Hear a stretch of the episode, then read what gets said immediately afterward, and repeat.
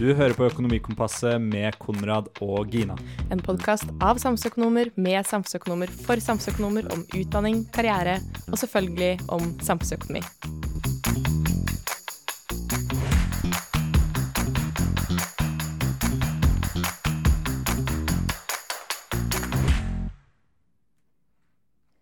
Det er nytt år, og vi er tilbake med Økonomikompasset med Konrad Gina. Vi har med oss eh, Øystein Dørum som første gjest for året. Øystein er sjefsøkonom i Næringslivets hovedorganisasjon, NHO. Og før dette så var han sjefsøkonom i DNB, og han har også vært rådgiver og underdirektør i Finansdepartementet. Han har mastergrad i samfunnsøkonomi fra Universitetet i Oslo, og har også en master fra LSE. Velkommen til oss, Øystein. Takk for det. Så hvor kom eh, interessen for samfunnsøkonomi fra?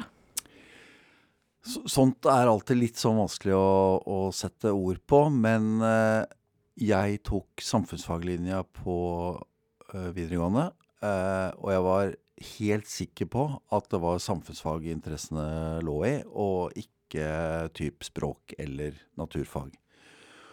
Og så satte jeg meg ned med studiekatalogen, og så leste jeg om uh, statsvitenskap, og så leste jeg om sosiologi, og så leste jeg om antropologi og samfunnsøkonomi. Og så syns jeg at samfunnsøkonomien var det som virka mest konkret av dette. Altså jeg hadde hatt det på, på, videregående, men jeg hadde jo også hatt de andre fagene på videregående. Jeg hadde en far som var uh, statsviter, men, men, det var liksom samfunnsøkonomien som ja, så liksom mest sånn konkret og forståelig, håndfast uh, ut. Og så sa jeg til meg sjøl jeg begynner her, og så ser jeg hvordan det går, og så blir jeg værende hvis jeg syns jeg får det til. Um, det er ganske tydelig ut fra karrieren din Øystein, at uh, det er makroøkonomi du har mest interesse for. Um, og du sier jo at du på en måte undersøkte jo studiene før, så det var ikke noe interesse for makroøkonomi som fikk deg til å begynne på samfunnsøkonomi? Eller var det, det var noe du oppdaget underveis, da? eller? Ja, altså, men jeg, jeg tenker at altså, det er liksom ulike, sikkert ulike tilnærminger til eh, faget samfunnsøkonomi. Noen er mer teoriopptatt, andre har en sterkere ligning mot samfunnsfaget. Eh, jeg hadde jo også, og det hører med til eh, historien, jeg hadde en eh, far som jobba en del år i Finansdepartementet. Så jeg gikk inn dørene der første gang som femåring. Mm. Eh, og Sånn sett så var det ikke helt tilfeldig at jeg søkte sommerjobb der eh, da jeg hadde gått et par år på, på studiet. Eh, og, og, så ga det vel seg litt sånn eh, selv. Altså jeg søkte sommerjobb i finans i litt sånn brei forstand, altså i, i økonomiavdelingen. Uh, og da begynte jeg å jobbe med noe etterprøving av nasjonalbudsjettets uh, makroprognoser. Og så, når jeg seinere begynte i Finansdepartementet, så var det makro det blei. Uh, og så, ja, så har jeg trivdes med det. Ja, Du nevner at du jobbet i Finansdepartementet som student, og du hadde flere studentjobber. kunne du sagt noe om liksom, hva, hvor mye du lærte der versus på studiet, og hvordan det var å kombinere eh, studier med relevant jobb, da? Altså, studiet er, er, for meg en sånn Det er en sånn type faglig modningsprosess. Eh, jeg, jeg, var en sånn dugelig student, men jeg var nok aldri en sånn der eh, som gikk all in på alt, eh, alt faglig. Jeg har, ser jeg meg tilbake, så tenker jeg at jeg tilegna meg noe metodisk. Og så åpnet det noen dører som har vært bra, bra, siden. Og det man, det man, lærer ved å jobbe, det er jo å, å, jobbe. Altså, jeg hadde hatt sommerjobber før i platebutikk og gått med avisen og sånne ting, men du lærer på en måte å jobbe systematisk. Du lærer å, å skrive og, og sånn. Og og jeg fikk jo da muligheten til å først jobbe i Finansdepartementet, og så jobba i Norges Bank sommeren etter, og så i SSB sommeren deretter. Og så på ny igjen i finans siste mm. sommeren før jeg var ferdig utdanna.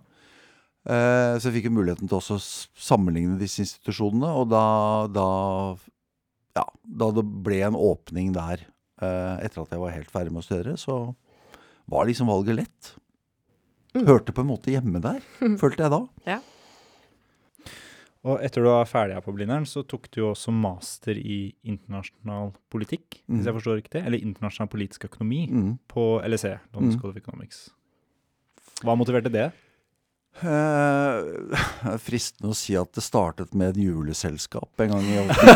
Nei, men hvor jeg, jeg Altså, eh, jeg var en ganske samfunnsengasjert videregående student. Eh, blant annet opptatt av tredje verden-problematikk. Eh, altså da jeg gikk på, på videregående.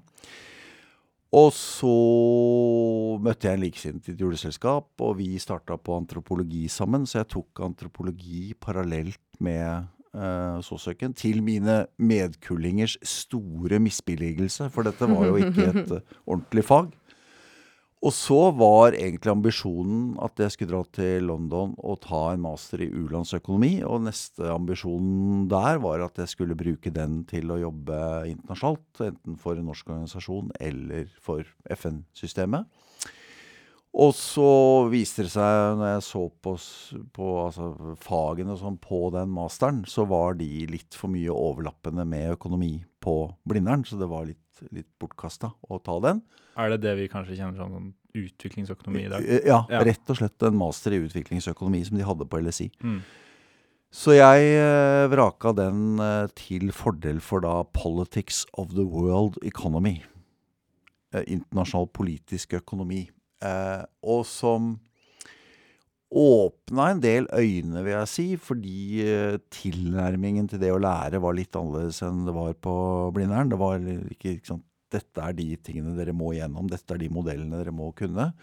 I stedet så var det mer Jeg er ikke så opptatt av hva dere leser, dere må lese masse økonomisk historie. Eh, men mer, mer ideen om å liksom virkelig bredde ut kunnskapen. Pluss at det var et veldig internasjonalt uh, miljø, og det var uh, midt i hjertet av London, på kanten av West End, og med mm. alt hva London hadde å by på. Så det var et, også i så måte et veldig godt år. Um, så når jeg tolker deg nå, så syns du det var litt lite samfunn. Eller eh, nå kaller du samfunnsøkonomi, da var det jo sosialøkonomi. Men lite sosialt, kanskje? Lite samfunns... Altså den politikkdelen. Ja, men jeg, men jeg, altså jeg er ikke sikker på og, og det var Vi hadde en sånn fagkritisk gruppe som også var veldig opptatt av dette. Og, og jeg, jeg mener at den kritikken er relevant.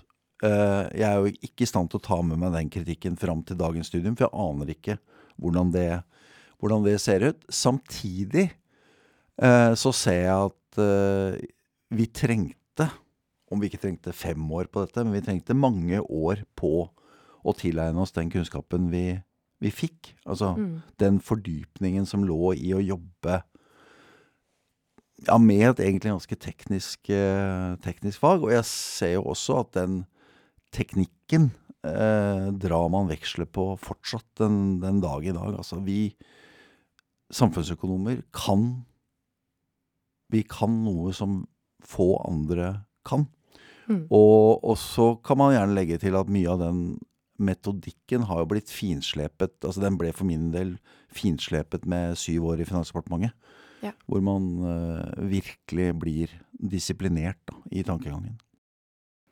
Jeg kan, så, du, eh, så til tross for eh, utviklingsøkonomi og internasjonal politisk økonomi som eh, hobby, holdt jeg på å si, så begynte du jo eh, som konsulent i Finansdepartementet. Mm. Og ble jo etter hvert underdirektør i økonomiavdelingen. Mm. Så hva eh, Du har jo nevnt det litt allerede at det var faren din, men av de tre du var innom, da, Norges Bank, SSB og Finansdepartementet, hvorfor valgte du finans, og hvorfor gikk du til det offentlige og ikke privat? Eh, det siste er veldig lett å svare på. Jeg tror at Og det Jeg må bare skyte inn. Jeg har nettopp vært i en sånn ansettelsesrunde nå. Med noen eh, ulike søkere. Av dem eh, en, Noen av dem med erfaring. En av dem helt nyutdannet med knallkarakterer. Eh, eller nyutdannet til våren. Og jeg har liksom vært av den oppfatning at vedkommende bør begynne i et stort fagmiljø. Stort eh, fagmiljø med god tid til fordypning. Eh, og ikke hos et sted som, som oss. Altså selvfølgelig, hvis noen vil komme til, eh, til oss, så fine. Eh, men jeg er ikke sikker på om, om, om vi gir de beste vekstvilkårene for en nyutdannet økonom. Så det er liksom det, det ene svaret på det spørsmålet. Hvis man skal uh, utvikle uh, ferdighetene, de faglige ferdighetene videre, og det bør man jo gjøre. Og man er opptatt av det faget. altså Det jo, kan jo være en inngangsport til veldig veldig mange ulike jobber. altså Det er ikke sånn at det er liksom én, én vei til frelse når man har tatt uh, samfunnsøkonomi. Mm -hmm. eh, men da er de, de store fagmiljøene som man finner i SSB og Norges Bank og Finans, er blant de beste. Og hvorfor Finans og ikke de to andre? Vel, eh, Finansdepartementet har en mer politikknær portefølje enn SSB har. Eh, og jeg tror aldri jeg ville blitt noen god forsker, eh, for å si det rett ut. Og, uh, og finans har en breiere portefølje enn det Norges Bank har. Men så tror jeg at Norges Bank kan by på et ganske spennende faglig miljø, hvis man har mer ligning mot, mot det teoretiske også. Fra å jobbe i Finansdepartementet Mm. Så gikk du til å bli først seniorøkonom i det som het Sparebank Nord, mm. som i dag er Sparebank1? Eller? Nei, som i dag er en del av DNB. Alt er snart del av DNB. Oh, ja, okay. jeg, kjenner ikke min kommersielle bankhistorie godt nok, dessverre. Men eh, fra Sparebank Nord til sjeføkonom i DNB. Mm. Um, og da er jo spørsmålet Du sa nå hvorfor du begynte i det offentlige private. Hvorfor gikk du fra det offentlige til det private? Det, jeg tror det uh, delvis avspeiler bakgrunnen min. Altså at jeg er født og oppvokst i Bærum. og har veldig, veldig mange venner som uh, gikk til Bergen, Handelshøyskolen og privat uh, virksomhet. Og og det sa jeg ikke i stad, men, men jeg hadde liksom i bakhodet at hvis jeg ikke fikk det til på samfunnsøkonomi, så kom jeg kanskje til å begynne i Bergen. På som. Flere, på NH, ja. som flere av vennene mine hadde, hadde gjort. Så, så det, det, lå nok liksom under en god stund at jeg kom ikke til å bli i Finansdepartementet eh, hele yrkeskarrieren. Altså uansett så tenker jeg Og igjen, ulike folk, ulike valg. Noen har gjort det. Det må være bra for dem. For min del så tenkte jeg at det var bra også å gjøre noe annet. Og så var Altså det som er fordelen med disse bankene, er jo at de har de har noen miljøer som ikke er sånn bitte små. Altså i, mm. i Sparebanken Nord så var vi tre stykker. Uh, I DNB, som jeg fikk muligheten til å bygge opp, da ble jeg henta over. Uh, så var vi syv i den uh, avdelingen. Og det, jo, det, gjør at du liksom ikke bare er en sånn enslig satellitt i et system, men at du faktisk får muligheten til å fortsette å jobbe godt faglig og, og jobbe sammen med flinke folk osv. Vil du fortelle litt mer om forskjellen mellom de to? Kanskje måten du jobber på? Du sier at du, å, du var med å bygge opp DNB sin nå ganske betraktelig hva skal man si, anvendt makroøkonomisk avdeling. Mm. Hvordan, fortell litt om den erfaringen, og hvordan det var å gå fra Nei, det var altså øh, Nei, vi, vi de, Det var jo en gang i tiden et samfunnsøkonomisk sekretariat i DNC.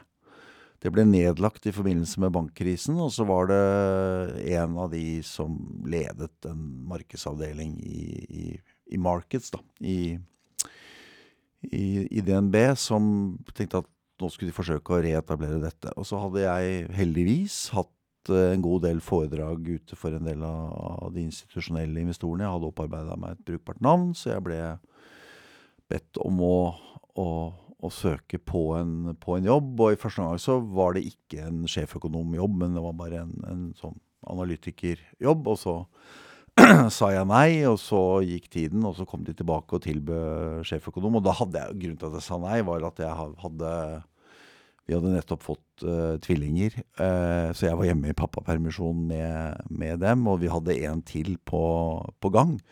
Så jeg tenkte at jeg skal ikke bytte jobb nå. Og så kom da den muligheten eh, som jeg på en måte ikke kunne si, si, nei til. Og det var med noen jeg kjente fra før av, flinke, flinke, folk. og sånn, så, så, derfra ut så handler det liksom om å forsøke å hva skal jeg si, fylle den rollen med, med, innhold. Og så får man en del gratis når man jobber et sånt sted. For at uh, man jobber ikke i markeds uh, for moro skyld. Du må ut og møte kunder.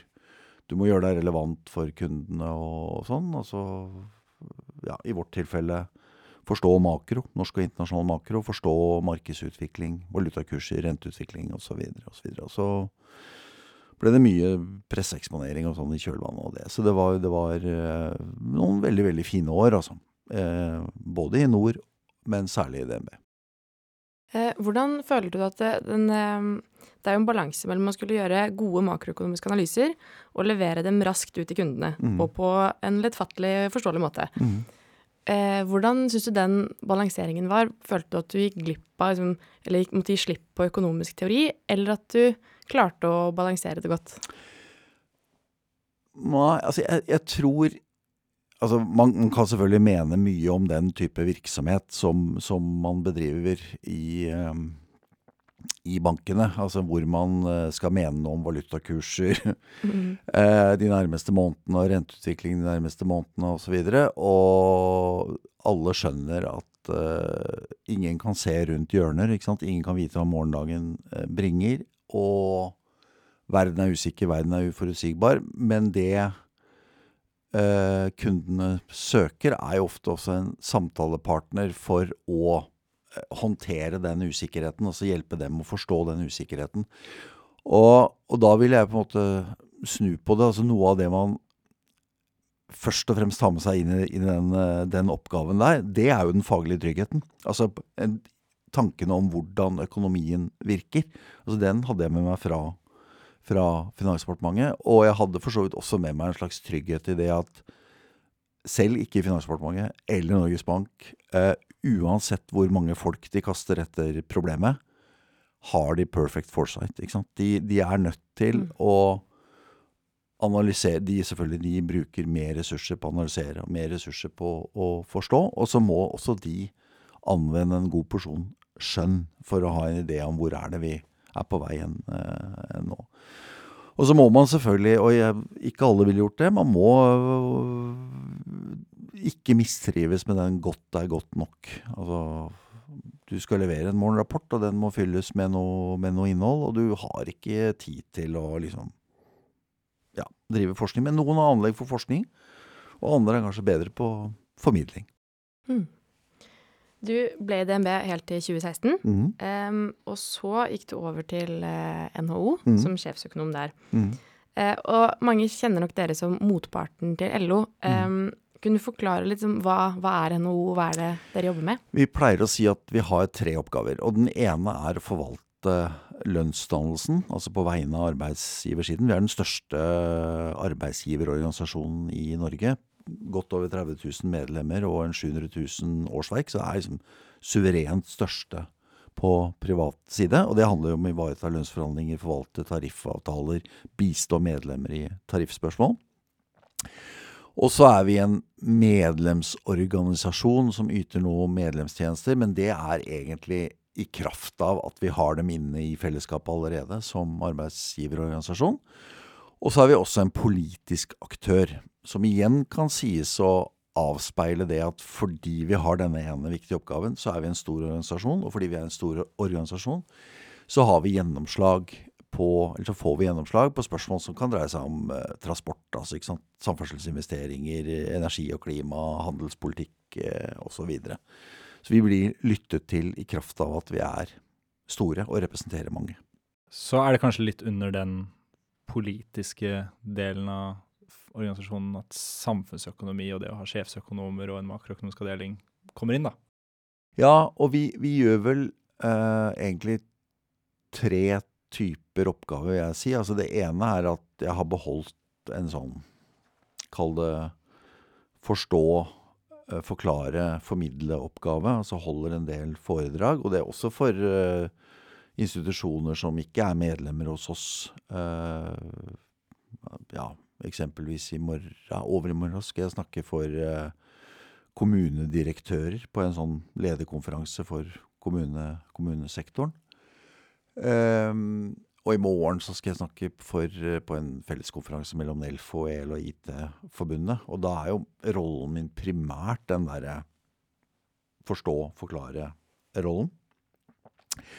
Og så eh, er vi en sentral del av arbeidet rundt lønnsforhandlingene. Altså de tallmessige premissene for lønnsforhandlingene. Og Eh, jeg sitter på innsida av lønn. Når det er samordnede oppgjør, altså ikke formuesvise, men samordnede oppgjør, så sitter jeg på innsiden av lønnsforhandlingene. Da sitter det fire fra LO på den ene siden av bordet, og fire fra NHO på den andre siden av bordet.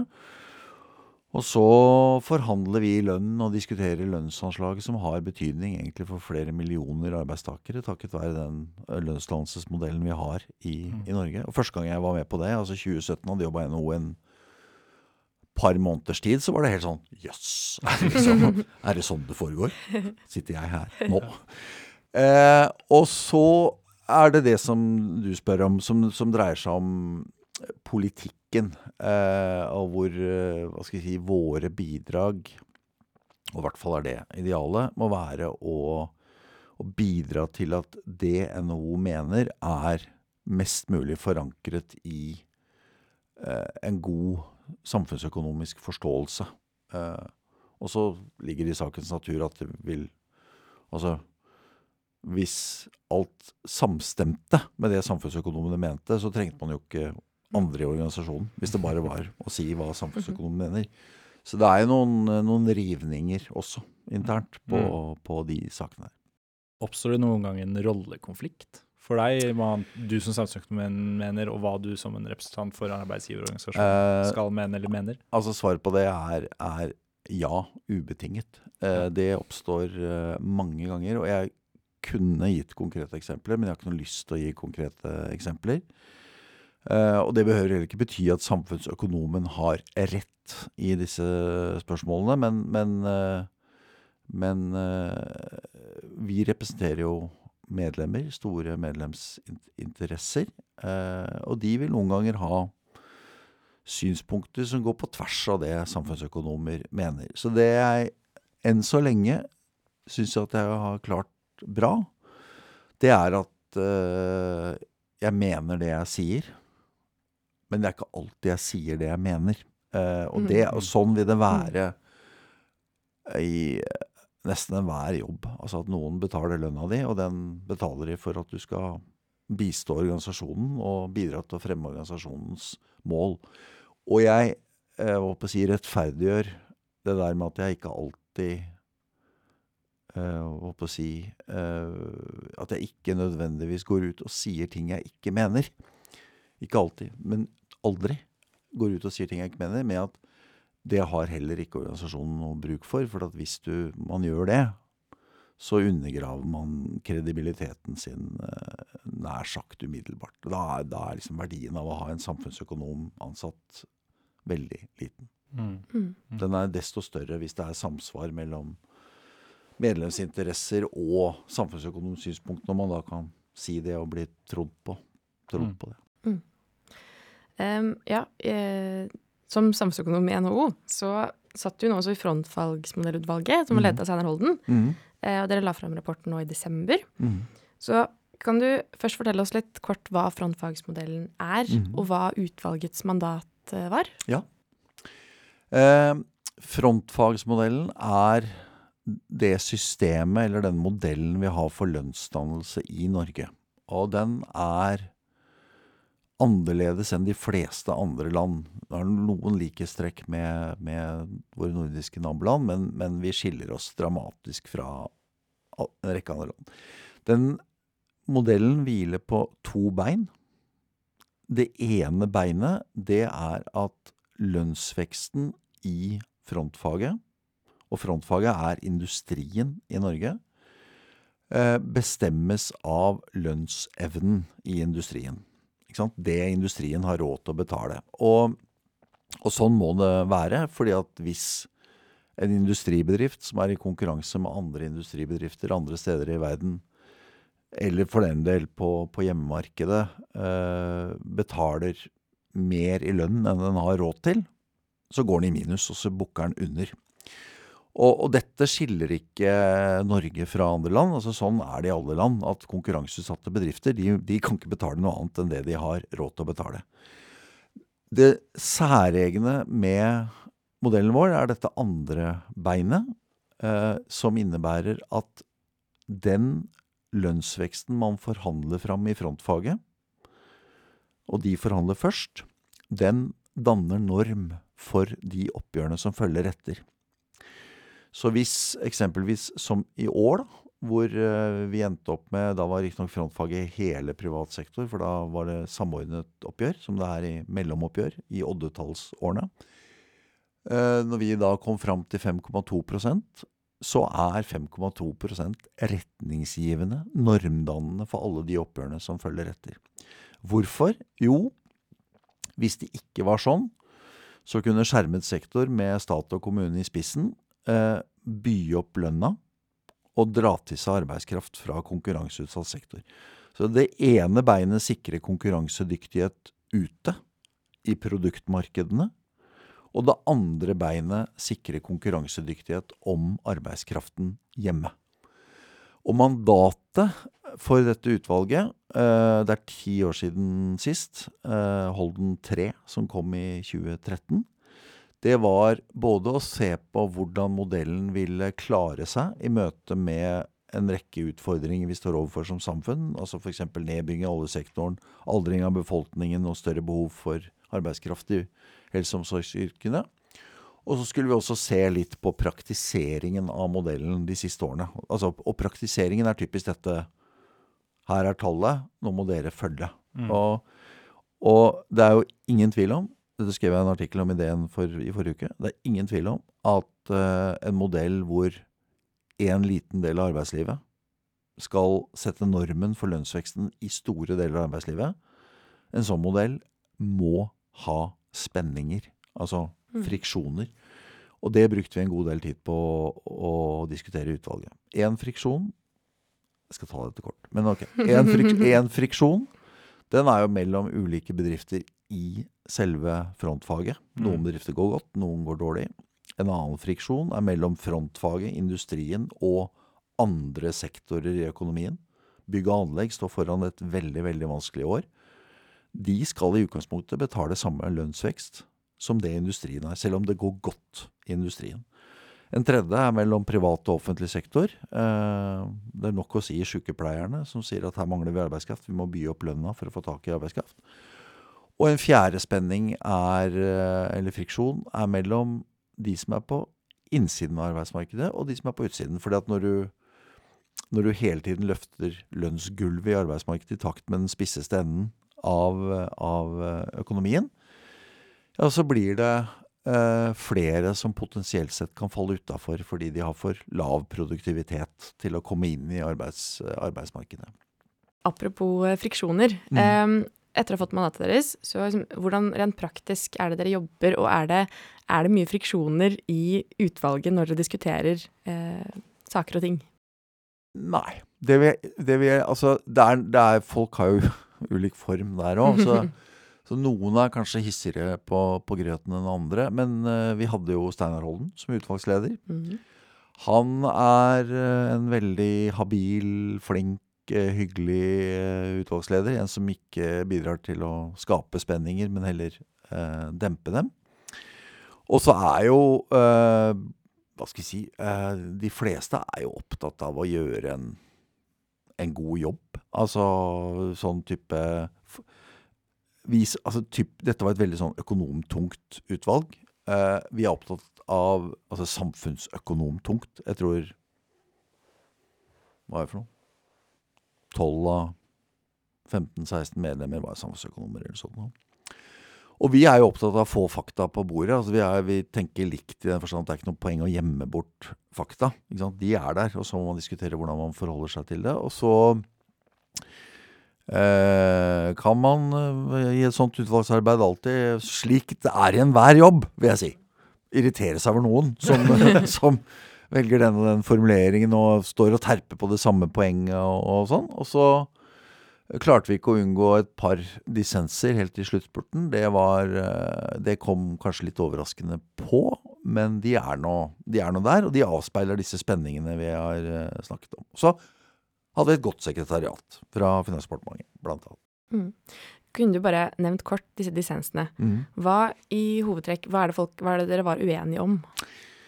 Eh, jeg vil si at vi særlig diskuterte to ting. Eh, altså sånn eh, Altså hvor uenigheten gikk. Og det ene, hvor det ikke ble dissenser, Eh, og all ære til LO og Roger Bjørnstad for det.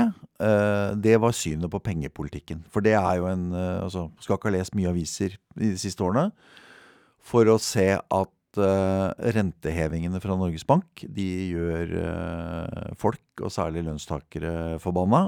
Og kjernen i kritikken av, av Norges Bank går på at dette håndterer eh, lønnsdannelsen selv. Altså lønnsdannelsen litt Nå overforenkler jeg litt, men sant, lønnsdannelsen vil langt på vei hindre at uh, inflasjonen blir værende høy i Norge. Jeg er ikke enig i dette, og Eller i hvert fall ikke i den karikerte fremstillingen av dette. Og det var heller ikke resten av utvalget.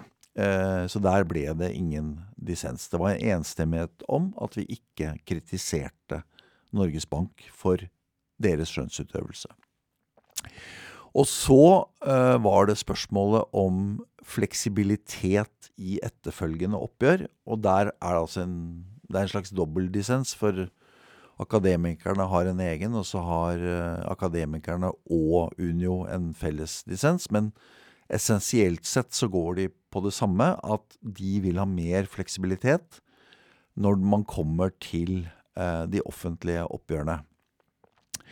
Og da sier resten av utvalget at uh, dere har den fleksibiliteten, uh, men dere kan ikke legge fleksibiliteten oppå ramma.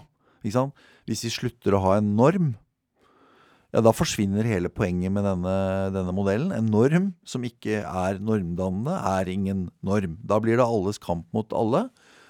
Eh, men det dere kan gjøre, er, er, at hvis dere ønsker å løfte sykepleierne, så kan dere gjøre det mot at uh, legene får lavere lønnsvekst. Uh, eksempel, eksempelvis.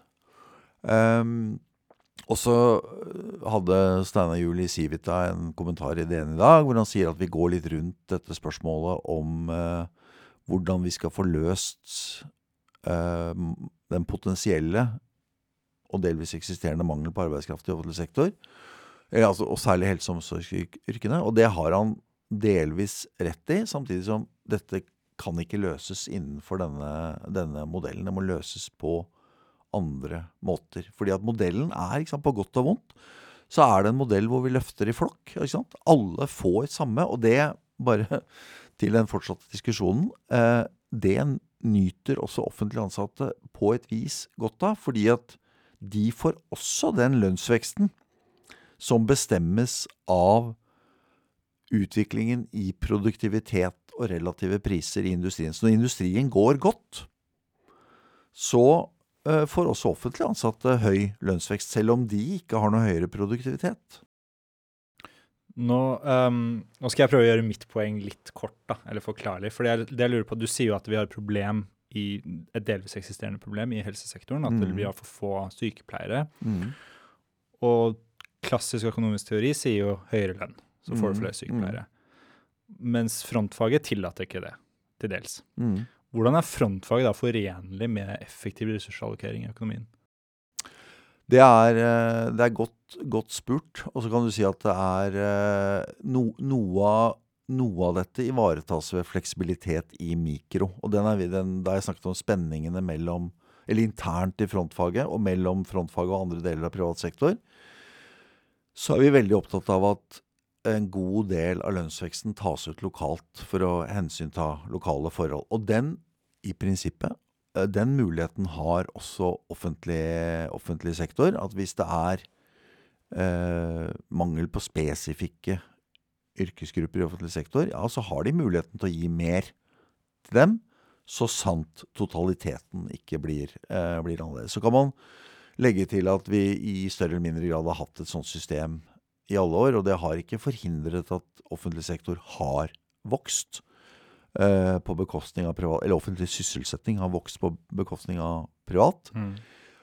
Og eh, vi bør, og dette nærmer seg kanskje det ideologiske, men vi, vi, bør være opptatt av balansen mellom offentlig og privat sektor. Og vi er i en litt spesiell situasjon i Norge fordi staten i kraft av oljefondet har de dypeste, dypeste lommene. Så dette hold, handler også om langsiktig balanse i, eh, i økonomien.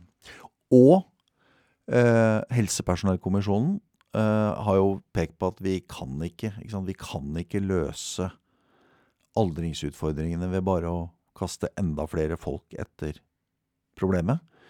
Eh, vi har nesten ikke vekst i arbeidsstyrken framover. Og hvis vi da skal ha dette referansescenarioet fra perspektivmeldingen, en kvart million flere i helseomsorg de neste ja, drøyt 25 årene, så, så vil det suge opp alt av ledig arbeidskraft i økonomien, og mer til.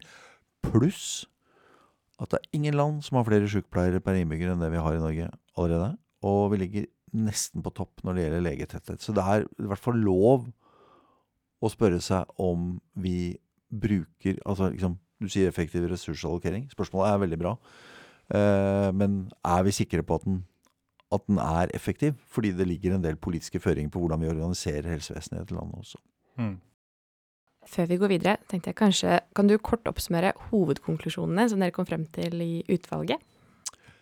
Ja, Det er ganske øh, fort gjort. Det er liksom sånn modellen har vært bra. Den har gitt oss høyere sysselsetting og lavere ledighet. Den har gitt oss øh, likeartet uh, lønnsutvikling og bidratt til små inntektsforskjeller og det tillitssamfunnet vi har. Bidrar til balanse i utenriksøkonomien. Og vi mente enstemmig at modellen også var den best egnede til å håndtere de utfordringene vi sto overfor. Og for å være litt stygg med meg selv, eller oss, så er det jo sånn at eh, det var også den konklusjonen vi regnet med vi ville komme til. At vi, vi, mener at modellen er bra. Og så var det et behov for å, å utfordre oss selv på noen av de, de, spenningene. Og jeg tror ikke det er riktig å si at vi kom helt i mål, altså jf. dette med, som du også spør om. altså eh, inn mot offentlig sektor. Men, men, det er også en måte å tydeliggjøre de dilemmaene man, eh, man, står i. Altså være kjent med de dilemmaene. Du, du, du, kommer ikke utenom dilemmaer hvis du velger å ha en modell som sier dette at nei, vi sender noen i front. Og deres lønnsvekst, den skal faktisk eh, dere andre måtte følge. Mm. Nå er vi nødt til å gå inn for landing snart. Eh, så jeg lurer på, har du noen noe lesetips? Er det noen artikler eller noe noen skribenter du mener at vi som studenter burde følge litt med på? Altså, jeg leser dessverre ikke så mye fagbøker lenger. Så er, der er jeg litt sånn dårlig. De jeg, jeg, jeg, leser ganske mye aviser, og, og jeg leser mm, mye Financial Times. Jeg syns det er en veldig bra avis. Men jeg konstaterer jo også at at jeg klarte ikke å få noe særlig sånn utbytte av den avisen da jeg bare var student. Altså at Du må på en måte inn i de, pro de problemstillingens verden for å få utbytte av det. Men, men uh, der har jeg alltid lest Martin Wolff med stor glede. Og så leser jeg Martin Sandbu med ikke like stor glede, men med ganske stor glede. altså begge, begge to er liksom sånn type eh, faktabaserte skribenter som jeg syns er stas å, å lese. Og her hjemme så leser jeg jo egentlig alt uh, norske økonomer skriver, i, i, hvert fall i de avisene jeg leser, som er Klassekampen og DN og, og, og Aftenposten og VG. Der er det ikke så mange økonomer som skriver. Og, og hvis jeg skal fremheve én, så tenker jeg det jeg kaller Mone, som jeg ikke alltid er enig med. Mm. Eh, noen ganger så har han litt sånn odd-tanker, syns jeg, men han er liksom alltid sånn som får en til å tenke litt ekstra, og litt sånn 'Dette har jeg ikke tenkt på før. Dette er en ny inngang', og sånn. Det er uh, Syns jeg er imponerende. Å hele tiden være, være ny, da. Mm. I, i, i innhold. Og pluss at han skriver, skriver, godt også. Ja, uh, Øystein. Vi har hatt uh, stor glede av å ha deg her. Um, helt til slutt så må vi få litt uh, råd av deg som studenter. Er det noe du skulle ønske du visste da du studerte, som har hjulpet deg senere? Du, har du noen generelle råd til samfunnsøkonomistudenter i dag? Ah, skal jeg være litt forsiktig med, tenker jeg. Altså jeg eh, Fordi at igjen, vi er, vi er, forskjellige. Jeg tror jeg er ganske happy med den måten jeg til meg med det studiet på. At jeg jobbet systematisk gjennom fem år. Eh, og var ikke noe sånn skippertaksgreie. og jeg jobba meg heller ikke til bedre karakterer enn det jeg fortjente, på en måte. Altså sånn eh, De er helt decent, men heller ikke mer. uh, men jeg tror hvis man har muligheten til å, å få seg noen jobb, relevante jobber underveis, så tror jeg det er innmari bra. Uh, nei, har ikke andre råd. Men det er absolutt gode råd, det. Tusen takk for at uh, du ville komme til oss. Det har vært veldig veldig hyggelig å ha deg her. Takk. Likeså.